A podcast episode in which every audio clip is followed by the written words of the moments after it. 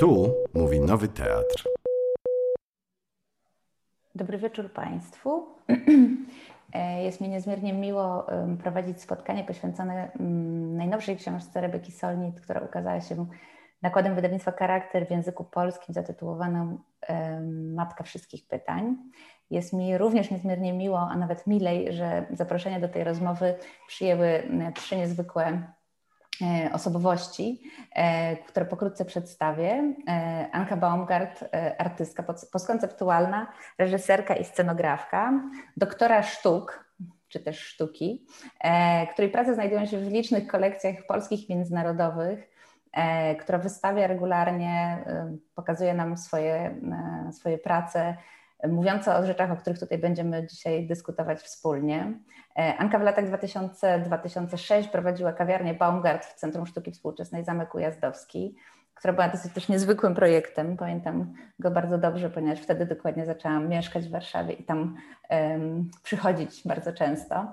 E, działy się tam albowiem e, niezwykle ciekawe rzeczy artystyczno-aktywistyczne i no, należało tam bywać. E, jest z nami, więc dzięki Janka, że przyjęłaś zaproszenie do tej rozmowy. Jest z nami Karolina Domagalska, aktywistka, reporterka pisząca o prawach kobiet, autorka mm, poruszającej książki Nie przeproszę, że urodziłam, historię rodzin z in vitro, e, za którą była nominowana do nagrody za reportaż literacki imienia Ryszarda Kapuścińskiego. Aktualnie autorka podcastu Coś na A, podcast o aborcji. Pracuję nad filmem dokumentalnym o aborcyjnym Dream Teamie i nad książką. Dzięki, że zgodziłaś się z nami tutaj zasiąść i porozmawiać. I jest z nami, jest z nami też Magdalena Staroszczyk, e, badaczka, artystka, aktywistka, doktorantka w Instytucie Kultury Polskiej UW, kuratorka Muzeum Woi, oddziału Muzeum Warszawy. Magda prowadzi badania dotyczące doświadczenia kobiet nieheteronormatywnych w Polsce okresu transformacji. E, ponadto jest współzałożycielką i byłą członkinią grupy Klamcyk, e, współzałożycielką i członkinią kolektywu Czarne Szmaty, e, a także Home Movie Day Warszawa, aktywistką warszawskich dziewuch i członkinią Otwartego Uniwersytetu imienia Karola Modzelewskiego. Bardzo dziękuję za zaproszenie.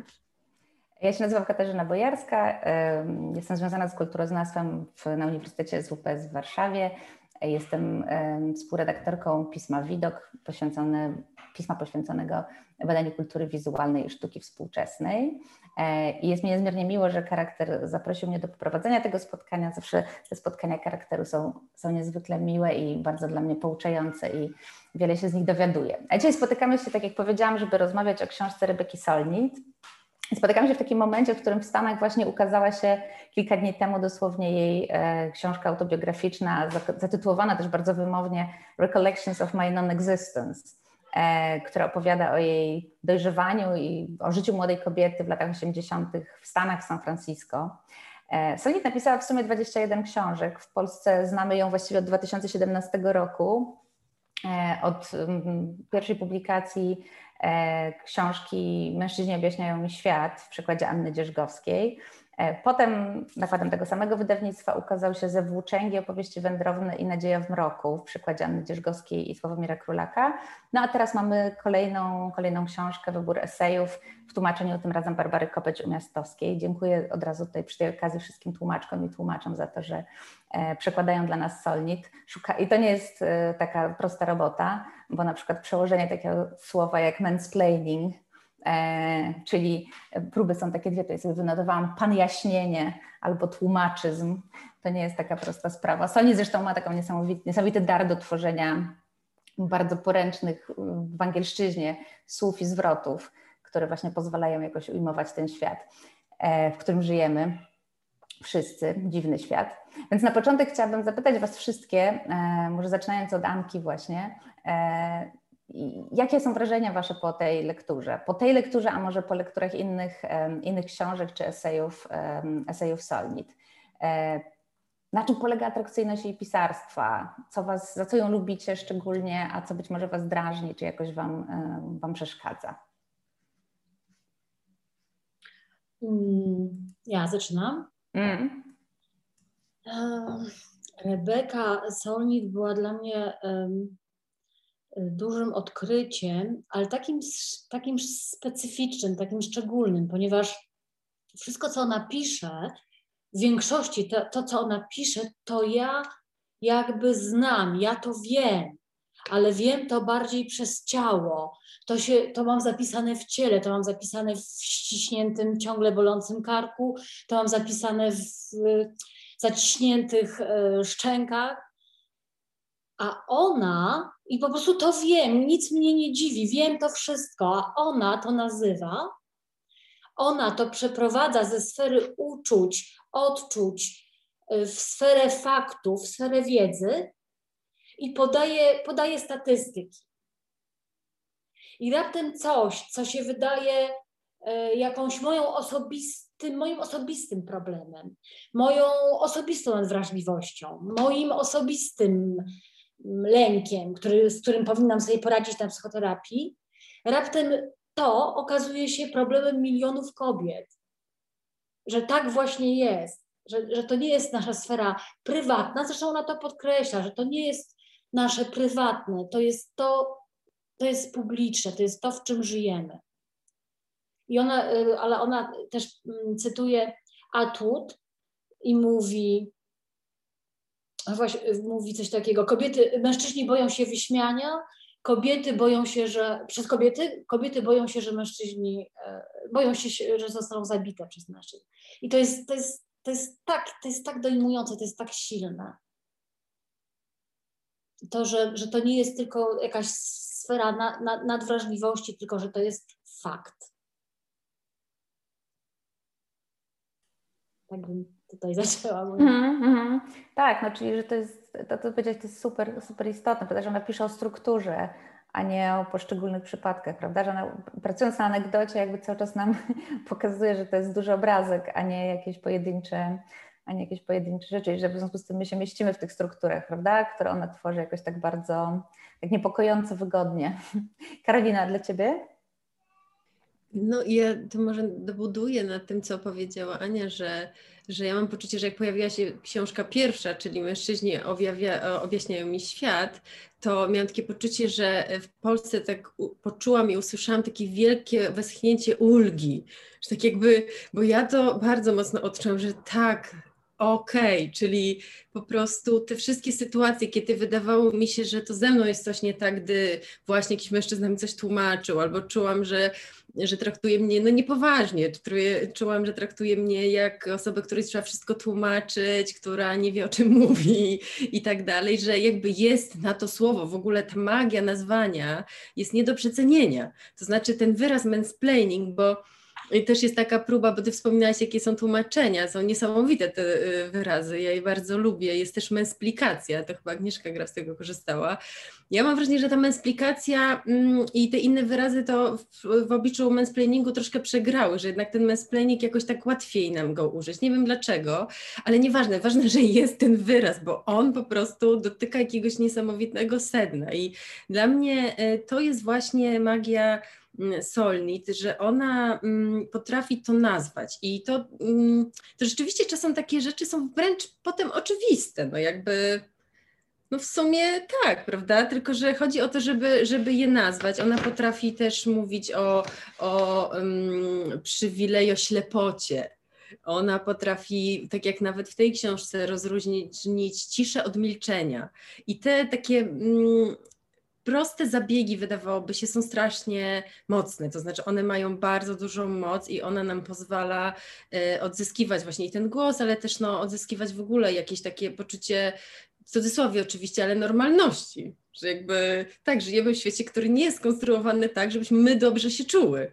I ty powiedziałeś, że ona buduje na anegdocie. Ja bym powiedziała, że ona buduje na anegdocie, ale ona dosyć często w ogóle używa tej anegdoty. Ona ma jakiś taki, ona posiłkuje się y, danymi, ale nie, to nie jest jej główna moc. To nie jest tak jak w niewidzialnych kobietach, że tam jest naprawdę po prostu data, data, data, data. To jest coś innego, to jest inny jakby, to jest też taki filozoficzny trochę język, to jest jakaś inna, inny sposób e, argumentacji, który połączony właśnie z tymi odczuciami na poziomie ciała, doświadczeń i tak dalej, i tak dalej, buduje na tej naszej, no w sumie takim doświadczeniu wspólnoty, jaką, bo bym powiedziała, że jesteśmy jako kobiety, czy osoby socjalizowane jako kobiety i ona wyciąga nam te rzeczy z nas i im daje y, nazwę.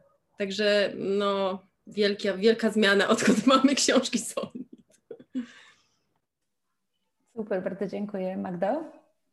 E, to ja dołączając też i, i dobudowując jeszcze, mm, dodałabym, że to jest nie tylko e, kwestia dla mnie nazywania właśnie tego, co jakoś e, sama rozpoznaję, sama czuję, tak jak Anka ty powiedziałaś, że ja też mam te, te wszystkie napięcia w ciele i czasami brakuje na nie języka, więc to jest jedno, a druga rzecz to jest to, że ta mm, to, co pisze Solnit, jest też interwencyjne i instruktażowe w jakimś sensie. To znaczy, że z jednej strony ona, to są eseje, które pojawiają się też w prasie, które mają jakąś, jakieś skuteczne przełożenie na rzeczywistość e, społeczną.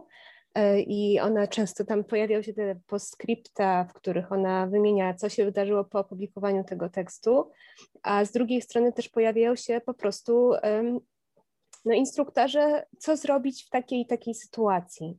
E, tak jak w tym otwierającym książkę eseju Matka Wszystkich Pytań, który, no właśnie, jestem strasznie ciekawa, czy będzie tak samo nośny jak ten esej Mężczyźni objaśniają mi świat, bo zwłaszcza w Polsce no, sytuacja, w której założenie, że nie istnieje inny dobry model życia dla kobiety niż bycie matką, no jest bardzo a propos i, i wydaje mi się, że, że świetnie, gdyby ten esej był czytany. I tam na to kłopotliwe pytanie właśnie jej zadawane, czemu nie ma dzieci, ona po prostu y, podaje receptę, co robić w tej sytuacji, tak? E, odbić to pytanie, e, spytać, dlaczego mnie o to pytasz. E, więc myślę, że to jest wielka wartość i oczywiście te instruktarze czy recepty pojawiają się też w innych tekstach i przy innych sytuacjach. Mm, natomiast też bo zapytałaś e, o to, co może nam się nie podoba, czy nas razi, to jeśli o mnie chodzi, dla mnie mm, jednak jest trudne przekładanie tego kontekstu e, amerykańskiego czy kontekstu stricte Stanów Zjednoczonych na kontekst polski, bo oczywiście te mechanizmy patriarchalne są podobne. E, ta struktura jest podobna i można się bardzo dobrze rozpoznać w, w tych opisywanych przez nią różnych opresjach. E, natomiast e, no, jednak w troszeczkę innym świecie żyjemy i też ta optyka, w której my musimy się odnaleźć bardzo sprawnie w właśnie kulturze czy polityce Stanów Zjednoczonych i rozpoznawać różne konteksty tamtejsze. E, natomiast nie ma jakby odwrotnej sytuacji, znaczy nie wiem, czy Rebeka Stolnicy, co ona wie o sytuacji w obecnej Polsce, także no, jest to poczucie bycia na peryferiach tego świata, który ona opisuje. Ale peryferiach, to dopytam Cię teraz tutaj na, na słówko jeszcze. E, peryferiach w jakim sensie? E, no w takim sensie, że Polska jest jakoś peryferyjnym krajem w stosunku do Stanów Zjednoczonych i no pewnie jeszcze też wrócimy do tego podczas y, naszej dzisiejszej rozmowy, właśnie mm, na ile my podglądamy to, co się dzieje w Ameryce, na ile staramy się to kopiować, powtarzać, e, a na ile po prostu mamy też e, lokalnie inną rzeczywistość społeczną i polityczną przede wszystkim, w której jakoś musimy sobie radzić. My kobiety. Mm, mm, mm. E, super, bardzo dziękuję. Zwróciłaś uwagę na, na, rzeczywiście bardzo, bardzo fajną rzecz, wydaje mi się, w tych tekstach, to, na to, że one są pokazane już w tej książce jako takie żywe i żyjące, prawda? Że one jakby wywołują jakieś skutki, że coś się coś się po nich dzieje, prawda, że albo, prawda, kiedy pisze o komiczce, e, sama robi ten postkrypt, prawda, że no jednak trochę potem z, powinna zmienić, ale jednak nie zmienia, tak, jednak zostawia to. E, pokazuje, jak ta jej myśl jakby jest żywa, bo zawsze odpowiada na jakąś rzeczywistość, prawda? Jest interwencyjna, bo reaguje na coś, co się dzieje w kulturze, co się dzieje w społeczeństwie, ale w związku z tym też może w jakimś sensie, tak, w tym takim długim, długim trwaniu się mylić, tak, w cudzysłowie, czy może, może zmieniać zdanie. Ale właśnie fajne jest to, że pokazuje nam, że jeśli chcesz być myślicielką, która jest zaangażowana i która naprawdę jakby się przejmuje tym, co się dzieje, to masz prawo się mylić to jest po prostu świetne, prawda? I ona to w tym eseju, to, to, to w ogóle jest taka cecha tych, tych poszczególnych esejów, bo właśnie w tym, tym tytułowym eseju ona dokładnie to mówi, prawda? Że właśnie przywołuje tę anegdotę, kiedy była zapytana e, o siebie i o Virginia Woolf, prawda? I nie potrafiła zareagować właściwie i zajęło jej chwilę, zanim wymyśliła ten, zaczęła odpowiadać na te pytania, w ogóle coś tłumaczyć siebie, tą Virginia Woolf, coś próbować szukać jakiejś takiej mediacji, prawda, między tym opresyjnym, pytającym, prawda, mężczyzną, który chce wiedzieć, bo po prostu ma prawo wiedzieć, bo społeczeństwo ma prawo wiedzieć, bo w ogóle to jest jakaś sprawa, którą należy dyskutować, a tym, a tym stwierdzeniem po jakimś czasie, prawda, że ja w ogóle nie muszę brać w tym udziału, w ogóle nie muszę na to odpowiadać, ja w ogóle mogę, no właśnie to, co powiedziałaś, prawda, mogę to odwrócić, więc to jest, to jest bardzo ciekawe, prawda, że ona właśnie może to, co nazywa się instruktażowością, że ona zamiast prawda, dawać nam gotowe, jakieś od razu przygotowane, prawda, takie mądrościowe recepty, to pokazuje cały proces, w którym ona dochodziła do różnych, do różnych sytuacji, który też nie zawsze był procesem od razu sukcesów nie, wielkich. Jeszcze jeżeli mogę coś dodać, to no właśnie to, o czym mówisz, to że ona, te, te anegdoty, którymi ona się posługuje, bardzo często dotyczą właśnie jej. I ona się jakoś odsłania w tym sensie i jest e, bezbronna, ale jednocześnie pokazuje no, jakoś, jakąś swoją siłę w ten sposób i, i to, jak, jak sobie radzi z tymi sytuacjami, bądź nie. Mhm. To pewnie jest tak, że jakoś łatwiej się zidentyfikować z tymi historiami wszystkim nam, prawda, niż po prostu dostać jakiegoś gotowca takiego, jak, jak, jak działać. super, bardzo Wam dziękuję. No, ta książka powiedziała Agaś, mhm. w kwestii tego, co, co na przykład y, dla mnie jest takie y, trudne w tym, w tym, co czytam, to mi się wydaje, że, mm, że jakby, że, że Rebeka, Rebeka y, pisze o, tych, o tym podziale na emocje i na, na, na wiedzę, ale tutaj to jest ryzykowne, co powiem, ale jakby w starym rozpoznaniu, że że ona, ona nie ona nie, nie waloryzuje pozytywnie, jakby ona, ona, ona podnosi to, że, że to, co jest uczuciem, jest zawsze y, y, jakby na gorszej pozycji niż wiedza, niż, tak, niż to intelektualne rozpoznanie, ale jakby ona nie, nie, nie postuluje, czy nie próbuje zmienić tego, tych poziomów, tylko jakby, jakby przystaje na ten podział świat, na ten podział waloryzacji, że to, że to odczucie, to, to, to uczucie, to, to odczuwanie to, to nie jest tym samym, jakby to nie jest ta sama wartość, to nie jest tak samo wiarygodne, jak właśnie to, co się dzieje w sferze, w sferze wiedzy i faktu. Ja na to zwróciłam uwagę, że, że może, może teraz to by, może teraz to już tak nie jest właśnie. Mhm. No ona, ona przede wszystkim wydaje mi się, to, to jest jakoś tak bardzo, to też jest taki performatyw, prawda, że ona pisze o tym, jak ważna jest opowieść, a jednocześnie tę opowieść, prawda, ustanawia, poszukując tego, poszukując języka, tak, pokazując, jak, jak istotne jest to, żebyśmy mówiły, więc my też to robimy teraz jakby w jakimś sensie, e, korzystamy, prawda, z tego przywileju, że możemy sobie pogadać o niej i, i ze sobą nawzajem. E, o tym zerwaniu milczenia, prawda, o tym takim zerwaniu, bo, bo, bo, wprowadzając być może taką hiperbolę, prawda, że jakby milczenie jest tożsame ze śmiercią, prawda, y, i jest tożsame z przemocą, w związku z tym tylko mówienie będzie sposobem, czy jakieś takie opracowanie, prawda, tego wszystkiego będzie sposobem na, na przeżycie.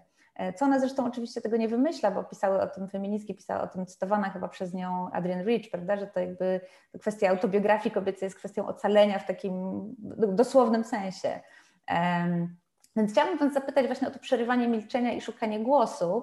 I mm, to, co powiedziałaś, Magda, że oczywiście tutaj różnią nam się konteksty bardzo, prawda? Polityczne, społeczne, legislacyjne, prawne, prawda, i nasza sytuacja kulturowa. Więc jakby możemy, nie musimy mówić o tej, o tej książce, prawda, czy o tym, jak ona pokazuje to przerywanie milczenia, ale pomówić o tym doświadczeniu naszym dzisiaj, tu i teraz, prawda, albo naszym w ostatnich tygodniach i miesiącach, w co każda z Was w jakimś sensie jest um, zaangażowana swoją, swoją praktyką, swoją pracą, ale też wszystkie jesteśmy w to uplątane po prostu w naszych codziennościach, prawda? E, o co chodzi z tym przerywaniem milczenia i szukaniem głosu? Dlaczego, jaka jest stawka tego dla nas? Ja, teraz... ja bym może powiedziała, cofając się do, właśnie do historyczek, do roku 2004, kiedy, kiedy pokazywałam swoją pracę o generalnie rzecz biorąc autoagresji kobiet, i y, zrobiłam właśnie taką, taką rzecz, która właściwie teraz naz, nazwała to, że, że może był to rodzaj takiej rejestracji też performa, performance'u, ale wtedy mm, ta praca miała bardzo słabą recepcję, to znaczy nikt o niej nie napisał. E, na przykład wysokie obcasy odpowiedziały y, kuratorce, która chciała zamieścić tam tekst wtedy, że, te, że ta praca, ta, ta tematyka nie mieści się w linii pisma. Y, Dorota Jarecka, która wtedy była w wyborczej y, w kulturze, też nie napisała o tym. To było po prostu to było obsceniczne, to było. Teraz ostatnio właśnie też szuka, jakoś tak sprawdzałam, co się, co się zachowało, jaka była recepcja tej pracy, i właśnie to było to nie, był, to nie licowało z tą współczesną kobietą sukcesu, która idzie i zdobywa świat, jaką wtedy lansowano w kolorowych pismach. Myśmy właśnie byli tuż po latach 90., wspaniała transformacja, wszystko, wszystko się udawało, no tutaj trzeba było zdobywać świat. A więc, a więc te, ten rodzaj zachowania, znaczy ta, ta tematyka była czymś, czymś czego to, to nikomu nie pasowało. Ja pamiętam też e, rozmowę z jedną z ówczesnych dyrektorek Instytutu Polskiego w Nowym Jorku, która, e, która rozmawiając ze mną prywatnie o tym, o tym filmie, mówiła, no, że to jest jakiś wydumany, że to jest, to jest okropne, że ona to widziała, ale ona się na to nie, nie zgadza, to jest okropne, to jest podnoszone, to jest wydumane, ale faktycznie jej siostra e, była zawożona do szpitala, bo po jakimś epizodzie właśnie pocięcia się. Czyli ona to było, to było dla mnie tak niesamowite, tak silne, przywołuję to teraz, ponieważ to jest, to działa, działało tak, to działa to takie zakrycie, zakła, nie chcę powiedzieć zakłamanie, ale jakby, jakby takie właśnie milczenie. Milczenie, że ona mówi, że ta praca jest nie, nieaktualna, nieprawdziwa, nie, nie, nie do zniesienia, ale faktycznie moja siostra y, jechała karetką pogotowia, bo się za bardzo pocięła w łazience. Mhm. Dzięki, Karolino. Jak to jest z tym zrywaniem paktu milczenia? No, myślę, że teraz mamy taką, taką możliwość, żeby obserwować sobie na żywo, jak to, jak to można zrobić. jak to się odbywa. Oczywiście to się działo też wcześniej, natomiast e, biorąc pod uwagę moment, w jakim się znajdujemy, no to cała debata wokół aborcji i e, niesławny e, niewyrok, nie Trybunału Konstytucyjnego sprawił, że coś wybuchło. Takie mam wrażenie i tak jak Solnik pisze, że to są e, właśnie, ona tak ładnie to nazwała, nowe głosy są niczym podwodne wulkany, które wybuchają na otwartych wodach, dając początek nowym wyspom, to mm, no to jest bardzo ładne i myślę bardzo adekwatne. Myślę, że te wyspy właśnie powstają dlatego, że stało się coś takiego, że nagle kobiety, oczywiście to się działo już wcześniej, ale w tym momencie tego gniewu e, e, dostałyśmy tak, tak, takiej mocy, żeby przebić ten balon i wypuścić z siebie wszystkie te historie, które e, i te doświadczenia, które mamy na swoim koncie i one jakby są w całkowitym zaprzeczeniu temu, e, czego jesteśmy przyzwyczajeni słuchać na temat właśnie naszych doświadczeń.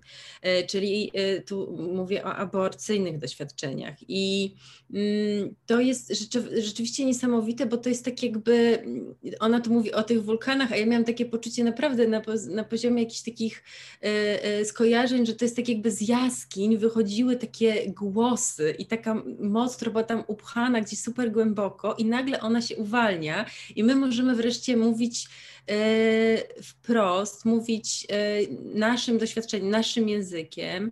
I to jest niesamowita zmiana, bo ona zmusza wtedy na, do reakcji już. To nie jest tak, że jesteśmy, gdy jesteśmy w grupie, to, e, to wtedy naprawdę tak, takie akcje doprowadzają do realnych zmian, bo oczywiście nie mówię to o zmianach prawnych i tak dalej, natomiast na poziomie, na poziomie świadomości mam poczucie, że to jest nie do zatrzymania już E, e, proces.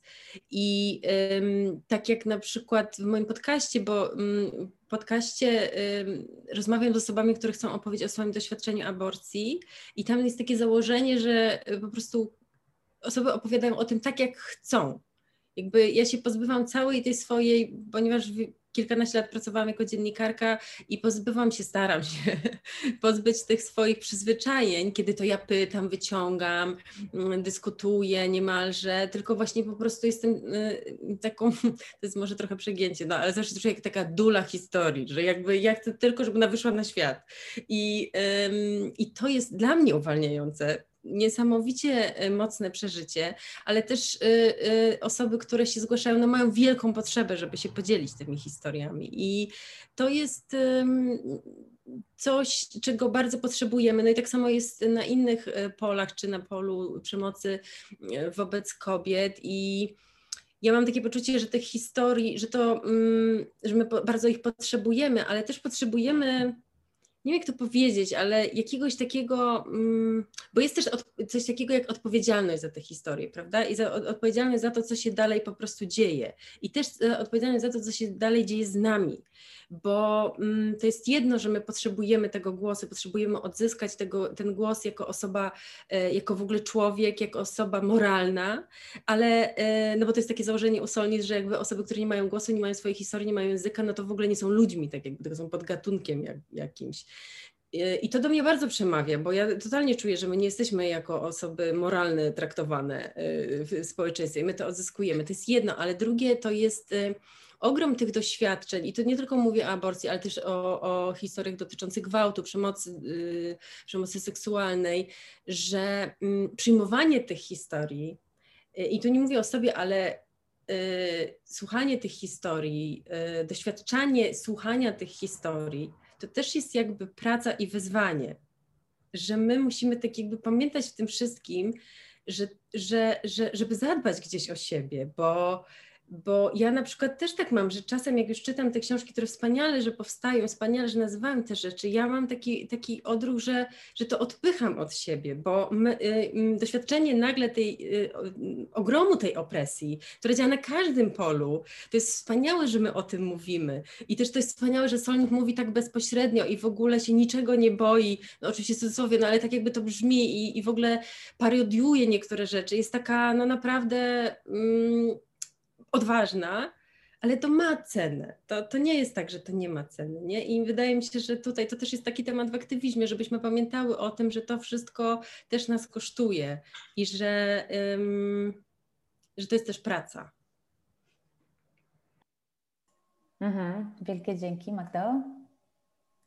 Um, tak, cała, właśnie cała część dotycząca milczenia i uciszania dla mnie, przyznam, była trudną lekturą. To znaczy, to jest trochę to, o co ty powiedziałaś, Karolina, że no, zastanawiam się, na ile właśnie to nagromadzenie tych bardzo trudnych doświadczeń jest y, lekturą, którą mogą czytać kobiety, które są po doświadczeniu przemocy, na ile to może być dla nich triggerem i, i jakąś traumę uruchamiać e, i no zupełnie trochę mi jest trudno powiedzieć właśnie, e, jaki to może być proces przejścia przez taką lekturę. Ze swojej perspektywy mogę powiedzieć, że no miałam takie momenty, że właśnie chciałam odsunąć to od siebie i już po prostu już nie, nie wytrzymywałam tego nadmiaru e, przemocy. Natomiast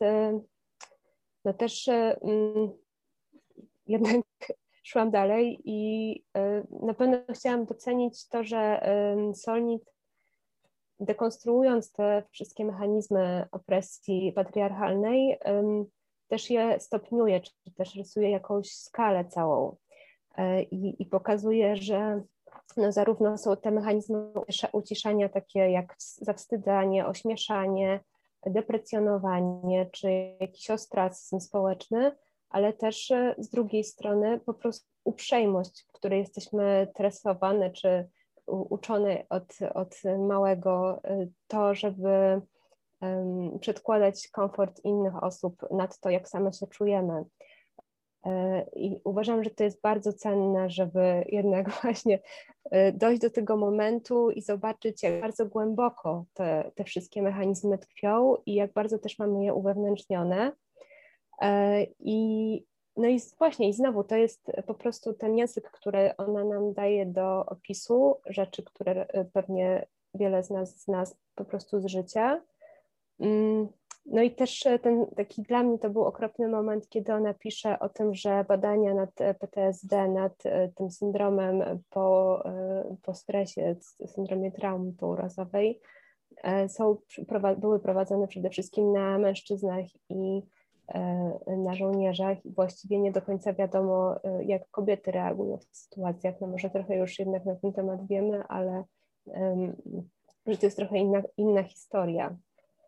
Um, Okej, okay, to może na razie ode mnie tyle. Mhm. Dzięki. No, wydaje mi się, że wszystkie zwróciliście uwagę na, na, taką rzecz, która mi się wydaje super ważna, nie tylko oczywiście w kontekście um, kobiecym, czy doświadczenia kobiet, ale w ogóle doświadczenia um, osób, które do, historii osób, które doświadczyły opresji, prawda? Że zawsze trzeba sobie jakoś uwiarygodnić tą, zawsze ta historia musi być jakoś uwiarygodniona, żeby, żeby trafiła do odbiorców, prawda? A ona pokazuje, że właśnie to trzeba rozbić, tak? Że trzeba rozbić tę formę, w którą się trzeba wcisnąć z historią, żeby w ogóle się w niej znaleźć, a która jednocześnie jest. Um, która zabija tam naszą indywidualną historię, tak? Każe nam się dopasować do czegoś, tak? I tylko jak się dopasujemy, no to może ewentualnie zostaniemy wysłuchane. To, co powiedziałaś Anka, prawda, o tym, o, o, reakcji na historyczki inne święta, no to jest właśnie dokładnie to. My o tym możemy sobie porozmawiać, prawda, w rozmowie przy kawie i prawda, coś tam, ale jest to gadanie temat wstrętny i w ogóle nie ma co o tym robić sztuki, prawda? E, jest jakaś inna forma, jeżeli chcesz być artystką feministyczną, jeżeli chcesz coś, to, to masz jakby gotow, gotowiec, prawda? Jak wejdziesz w tą formę, to będziesz, wiesz, będziesz wystawiana, krytyczki będą o tobie pisały, a gazety kobiece będą e, z tobą w sojuszu, bo będziecie miały wspólny front, prawda? Tutaj ona pokazuje, nie ma, to znaczy ten wspólny front może polegać tylko i wyłącznie na tym, co powiedziałeś Karolina, prawda? Że ty chcesz tylko słuchać, a jako dziennikarka wiesz, jakie masz zadawać pytania, żeby wiesz, stworzyć dobrą historię. Na czym polega ta dobra historia? Na tym, że ona przejdzie, prawda? Że ci, którzy ją, trochę jak inżynier Mamoń w rejsie, że lubimy te piosenki, które już raz słyszeliśmy, więc jak przeczytamy historię, która jest, brzmi wiarygodnie, bo już ją czytaliśmy kiedyś, prawda, czy czytałyśmy, to, to, to w nią uwierzymy, prawda? I ona też jest przez kogoś stworzona już ona jest już w systemie, ona jest w tym systemie jakby y, historii dozwolonych, dozwolonego sposobu mówienia o na przykład aborcji albo na przykład o gwałcie. Y, I, I, no ja czuję, że ja mocno też jestem sformatowana w ten sposób, jakby siłą rzeczy, i że to też jest w nas po prostu, y, co, co trzeba przekraczać gdzieś. Myślę, że też takim e, e, czymś, co jest przemilczane, no jest to, czym ja się jakoś zajmuję badawczo, to znaczy właśnie te historie i doświadczenie kobiet nieheteronormatywnych, e, które e, no właściwie były nierozpoznawalne czy nie, nieidentyfikowalne w, jeszcze właśnie w czasach transformacji. I to jest też jakiś proces, który dopiero e, się dzieje i mm, opowiedzenie właśnie przez te kobiety historii swoich, ówcześnie żyjących, czy też mówienie współcześnie kobiet nieheteronormatywnych o swoim doświadczeniu też jest bardzo ważne i jest też, te, też takim poszerzeniem pola. Mhm.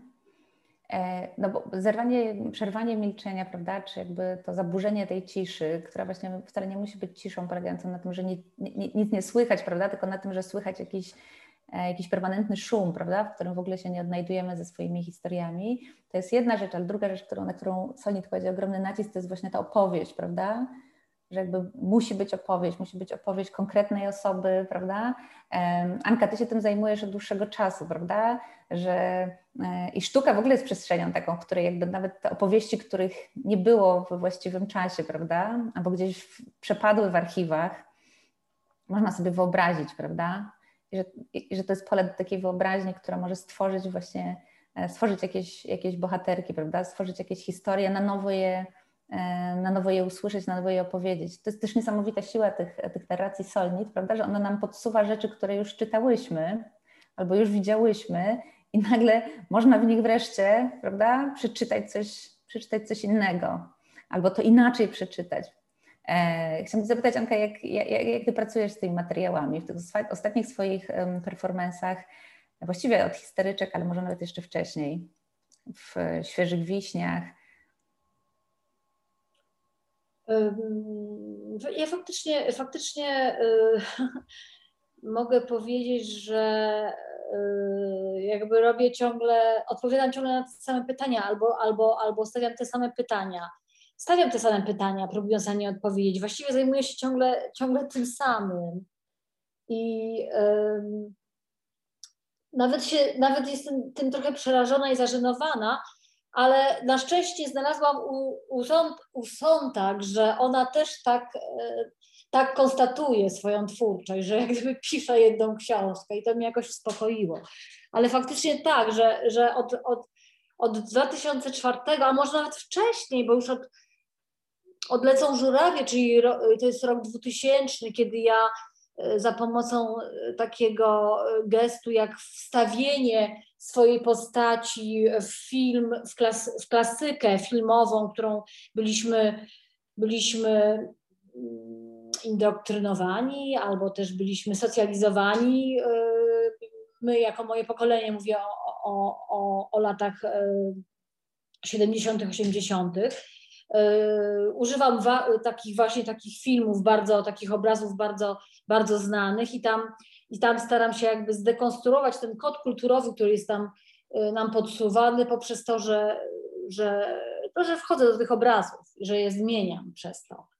I tam na przykład wlec, y, wlecą żurawie, wybieram scenę, piękną scenę w, w, w mieszkaniu moskiewskim, kiedy jest bombardowany, bombardowana Moskwa i tam jest jakby scena kochanków, prawda?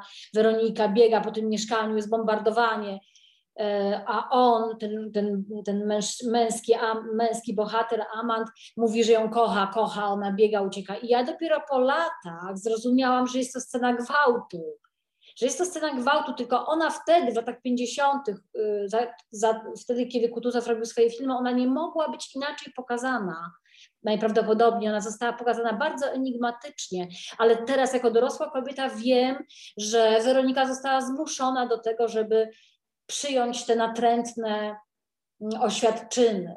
Zresztą za to potem płaci cały, całym, całym życiem, jakimś cierpieniem, nie, nie, niezadowoleniem, niewpasowaniem się w rolę, w którą została wciągnięta jakby.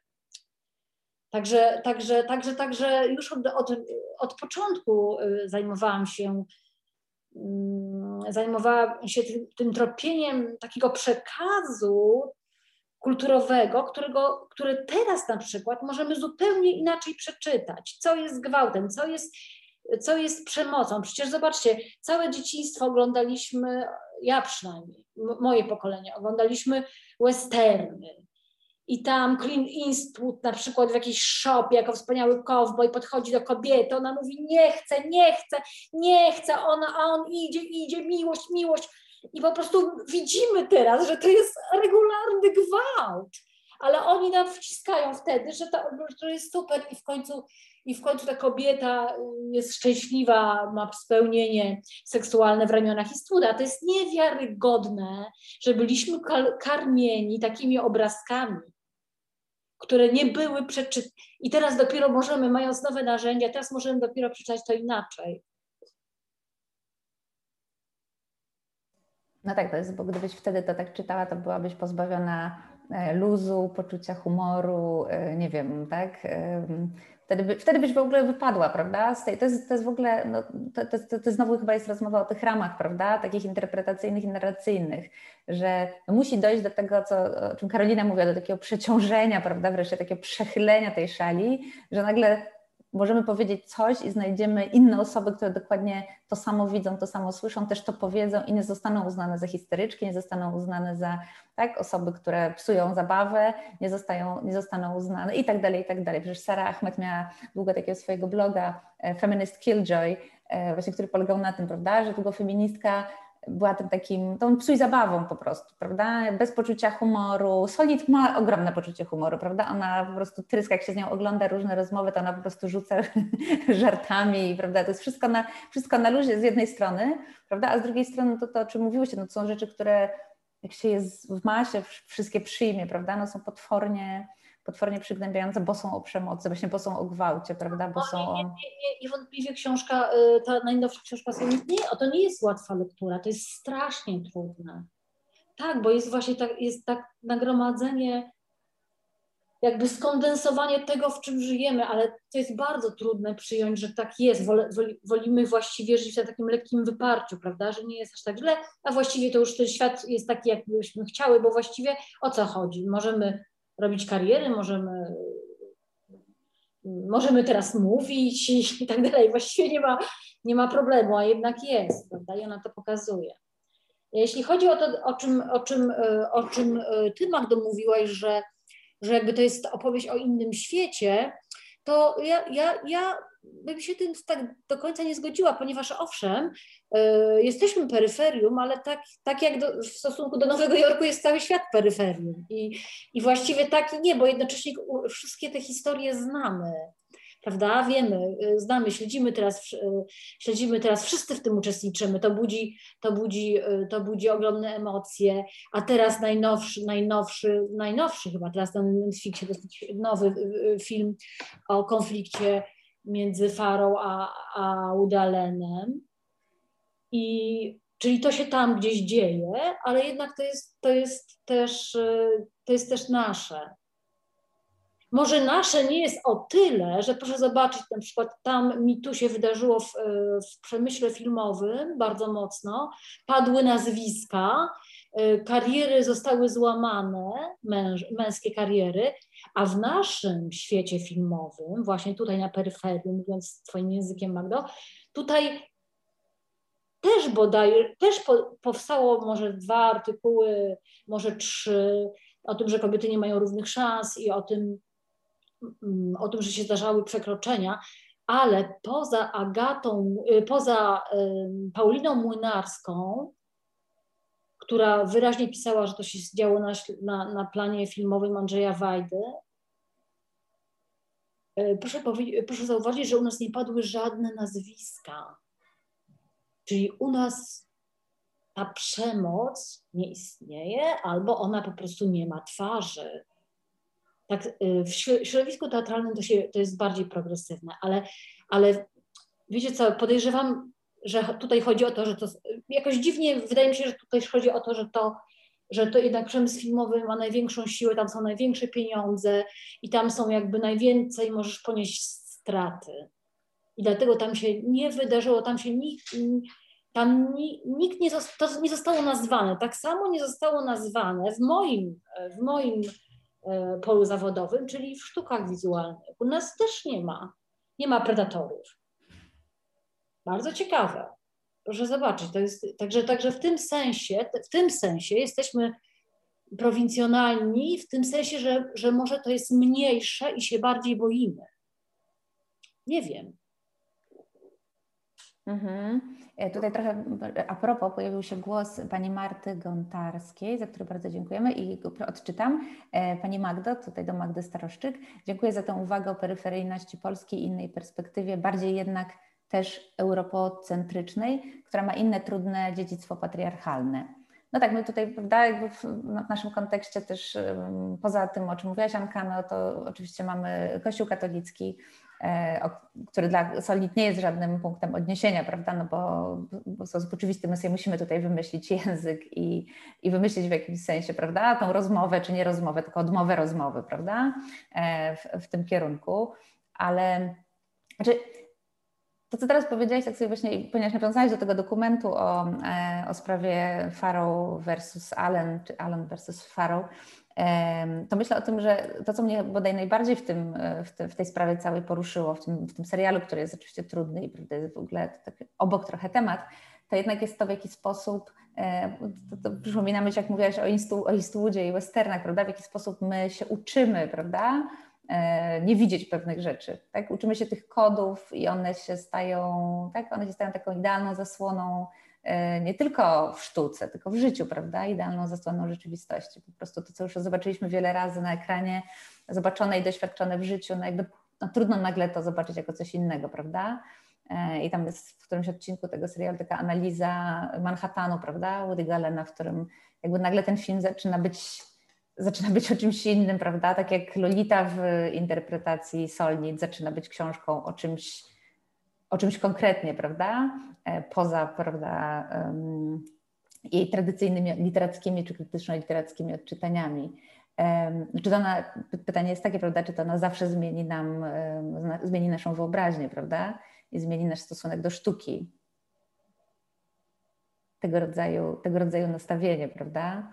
E, pojawiają się też takie głosy, przecież czy to tej sztuki, prawda, nie, nie wykastruje, nie pozbawi jakiegoś takiego, tak, e, takiej możliwości ambiwalencji, wieloznaczności, no, dzięki której, prawda, ją, ona nas cały czas jakoś stymuluje.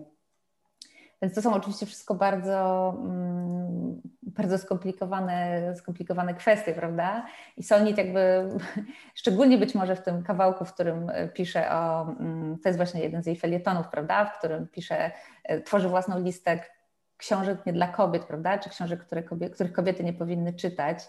E, ponieważ jakby ona stoi prawda, po tej stronie siły narracji, siły opowieści, pokazuje, jak, jak szkodliwe są te opowieści, które, które czytamy, prawda? I dlaczego w ogóle taki pomysł na to, że są jakieś książki dla mężczyzn, można właśnie odbić dokładnie jak to pytanie o macierzyństwo, prawda? I powiedzieć, że w związku z tym są jakieś książki nie dla kobiet. E, I co to tak naprawdę znaczy. Ale Karolino, chciałam wrócić na chwilę do, do Twojej historii, z jednej strony historii Twojej książki o in vitro, a z drugiej, z drugiej strony twojej, Twojego projektu, prawda, filmu i Twoich podcastów o, o aborcji, o tym, o, o tym budowaniu opowieści i szukaniu języków. E, jak, jaka była Twoja droga? Skąd, skąd się wziął ten pomysł, żeby powiedzieć, że musiałaś się oduczyć, prawda? Tych oczekiwań. Skąd, skąd to się wzięło? Co dla Ciebie było impulsem? To się trochę tak zbiegło y, z tym tekstem, który napisałam o aborcyjnym Dream Teamie, który miał taką okładkę różową, różowym tłem i tam na koszulkach dziewczyny miały napis aborcja jest ok i ona tak zdenerwowała e, część społeczeństwa. I to muszę przyznać była, było dosyć przełomowe dla mnie wydarzenie. I, i, I ta podróż się wtedy zaczęła, dlatego że ja spojrzałam wtedy krytycznie na to, jakby jakie są warunki um, opowiadania historii w mediach mainstreamowych, jaka jest w ogóle kondycja mediów mainstreamowych, i e, przestałam się w tym odnajdywać. I um, kiedy odeszłam z gazety, to po prostu zaczęłam siłą rzeczy podążać za tą historią, która była związana bardzo mocno z aborcją, bo um, kiedy poznałam e, członkinię aborcyjnego Dream Teamu, no to tam e, wiele rzeczy było dla mnie takim olśnieniem, bo się okazało, że właśnie o aborcji można mówić inaczej, że, że nie trzeba zawsze przepraszać, że nie trzeba mówić, że to jest zawsze trauma, że aborcja powinna być rzadka i tak dalej, i tak dalej. I dla mnie to była taka niesamowita ulga, bo to jest właśnie też o tym nazywaniu i wynajdywaniu tego języka, którym chcemy mówić, o tym, nasz, o tym naszym języku. On na początku był troszkę trudny dla części, szczególnie mówię o naszej bańce, no bo y, nie mówię też o przeciwnikach, ale no, było to jakaś forma prowokacji, ale teraz po tych trzech latach to jest zupełnie absolutnie, wydaje mi się, normalny już nawet slogan, że aborcja jest ok, prawda? To, to jest też niesamowicie e, ciekawe, jak, jak, jak szybko ta zmiana nastąpiła. No ale wracając do tego, dlaczego właśnie nie chciałam, chciałam wyjść trochę z takiego klasycznego sposobu opowiadania, no bo no bo to jest zawsze właśnie pytanie, ile damy tej podmiotowości i tej agencji jakby osoby, z którą rozmawiamy. Dziennikarstwo no, jest trudne pod tym względem. To nie znaczy, że to jest niemożliwe i to nie znaczy, że ja całkowicie jakby dziennikarstwo potem wiem, czy tam jakoś źle oceniam, szczególnie, że te teksty no tak naprawdę były publikowane przecież w prasie Solnit i, i to są zbiory i to jest właśnie fajne w tym, że że one były w różnych magazynach, no nie wszystkie, ale część i, i to jest tak, że po prostu takie dziennikarstwo jest nam potrzebne, więc jakby ogółem dziennikarstwo jest nam bardzo potrzebne, to nie, nie o to chodzi, tylko może powinno być troszeczkę zreformowane, wymyślone na nowo, no i wracając do tych absolutnych podstaw, no to świetnie by było, gdyby było też jakby tworzone tak naprawdę na równi przez kobiety, no bo nie jest, to cały czas tak jest, że, że kobiety nie są szefami, y, redaktorkami naczelnymi, no są wyjątki, jest Magda Kiścińska w piśmie i tak dalej, wiemy, ale to nadal, jak popatrzymy szczególnie na korporacje, to to nadal w ogóle nie jest oczywiste. I nadal, e, ja to wiem ze swojego doświadczenia, z historii opowiadanych przez moje koleżanki, to nadal tak jest, że na kolegiach te tematy mm, są nazywane kobiecymi. To nie są, to jest tak jak o tych książkach właśnie wspomniałeś, jakby książka o mężczyźnie jest o człowieku, książka o kobiecie jest o kobietach. No i, no i nadal jest tak samo na y, kolegiach y, w wielu redakcjach. No po prostu kobiece tematy, hmm, no po co to kom albo po co nam problem problemy i tak dalej. Trochę to się może zmienia. Mm, nie mówię, że nie. Więc ja byłam tego zmęczo- tym zmęczona i też poszłam za tym tematem aborcji, bo on mnie jakby osobiście też e, nie wiem jak to powiedzieć, no dał jakąś taką nadzieję, energię do tego, że, że właśnie ta zmiana jest możliwa i że tam jest bardzo dużo też wsparcia, siostrzeństwa i że to warto jakby robić, bo, bo mm, i dlatego też zaczęłam robić film y, dokumentalny, bo to jest też inna forma wypowiedzi, no to bardziej już takie osobiste y, wybory, no ale wynikające jakby z tego, że ta wielka narracja mainstreamowych mediów Y, no ona musi się zmienić. Ona się zmienia, są przełomy. To jest tak jakby jeden krok do przodu, dwa do tyłu. No to nie jest tak, że to jest takie jednorodne bardzo. Zresztą ten tekst był też w wysokich obcasach i to, to też nie o to chodzi, że to jest w ogóle niemożliwe, no ale inne sposoby opowiadania są możliwe i ja sobie chcę taki teraz eksplorować. Mhm. Dzięki. No to są takie rzeczy, jakby ta, ta aborcja jest szczególnie interesująca, wydaje mi się, w, w, w kontekście Soni. To ona dużo o tym nie pisze akurat w tej książce, tak, ale jak pomyślimy o tym dyskursie o przemocy, prawda, i o tym, co się też pojawiło na polskich ulicach, prawda, że to prawo jest po prostu przemocą, taką najczystszą formą przemocy wobec kobiet, tak, że to odbieranie decydowania o samych sobie, prawda, o swoich ciałach, y, pewien rodzaj przymusu, prawda, szczególnie w tym kontekście takim najtrudniejszym, czy takim granicznym, prawda, no bo tutaj o tym, powiedzmy, o tym rozmawialiśmy, rozmawiałyśmy ostatnio, właśnie na tych ulicach rozmawiałyśmy ostatnio, e, no jest takim, prawda, no jest, jest formą okrucieństwa, jest formą i, i już jakby tego też nam się nie odbierze, prawda, że to już zostało powiedziane, to już padło, prawda, że to tak jest, tak jak rozmowa o gwałcie, tak jak rozmowa o przemocy domowej, prawda, tak jak i wiele innych, prawda, wątków z tym związanych, tak to prawo E, to prawo polskie jest formą przemocy wobec, wobec nas, wobec kobiet, tak? Więc jakby raz powiedziane, prawda, już tego się nie da, jak to się mówi, od, od, odsłyszeć, prawda? To już, to już jest, to już jest w ubiegu, to już, to już krąży. Inna rzecz, o której, o której Sonit pisze i którą stawia jako, jako sprawę, pewnego rodzaju sprawę w tej książce, to jest e, humor i żart, prawda? E, I dowcip.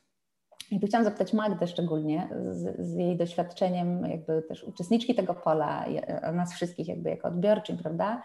E, jak to jest z tym śmiechem? Czy to jeszcze jest narzędzie, którym, czy możemy sobie robić żarty z gwałtu, prawda, i z przemocy i czy te żarty mogą być, mogą być skuteczne w takim sensie, że e, będą przeciwdziałały temu, tak? Czy to mogą być żarty, e, czy w ogóle chcemy tego? Może tak, bo może to jest też jakaś różnica, prawda, e, tutaj kulturowa między między Stanami a Polską. Jak ty to widzisz? Mm, no ja muszę przyznać, że ten esej dotyczący, on, on ma tytuł Krótka i wesoła historia najnowsza dowcipu o gwałcie.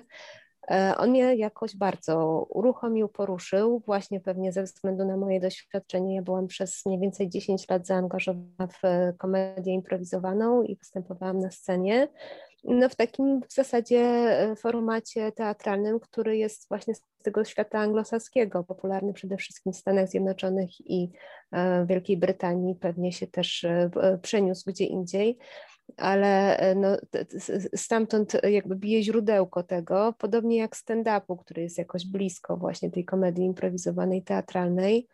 Mm, I, i z jednej strony ten e, esej, no właśnie, zaczyna się, mam go otwartego, zacytuję może, od tego pytania, czy dowcipy o gwałtach są śmieszne. Jeszcze kilka lat temu feminizm stanowczo odpowiadał nie, ale nagle wszystko się zmieniło. I dalej opisuje historię tej zmiany właśnie w Stanach Zjednoczonych. I to jest, e, wydaje mi się, że właśnie jedna z tych różnic, e, ten inny kontekst, w którym się poruszamy, ponieważ w Polsce, kiedy ja się tym zajmowałam, a to już było 10 lat temu, no to bardzo to była scena zmaskulinizowana i było tam dużo um, dowcipów mizoginicznych, seksistowskich. No ja byłam akurat w grupie e, jedyną kobietą na bodajże siedmiu facetów e, i no choćby trudno się było przebić po prostu przez, e, przez tą dominantę męską ale mm, myślę, że y, mm, Pamiętam, że Agnieszka Drodkiewicz napisała wtedy taki tekst w Gazecie Wyborczej na, na temat właśnie naszego, naszych przedstawień y, i w Lidzie tam było o tym, że trudno jest być śmieszną i ładną, śmieszną i kobietą, zabawną i seksowną, coś mniej więcej takiego. I, I, to jest właśnie tekst o tym, jak trudno jest połączyć, znaczy jak ważne jest poczucie humoru z, z mężczyznami.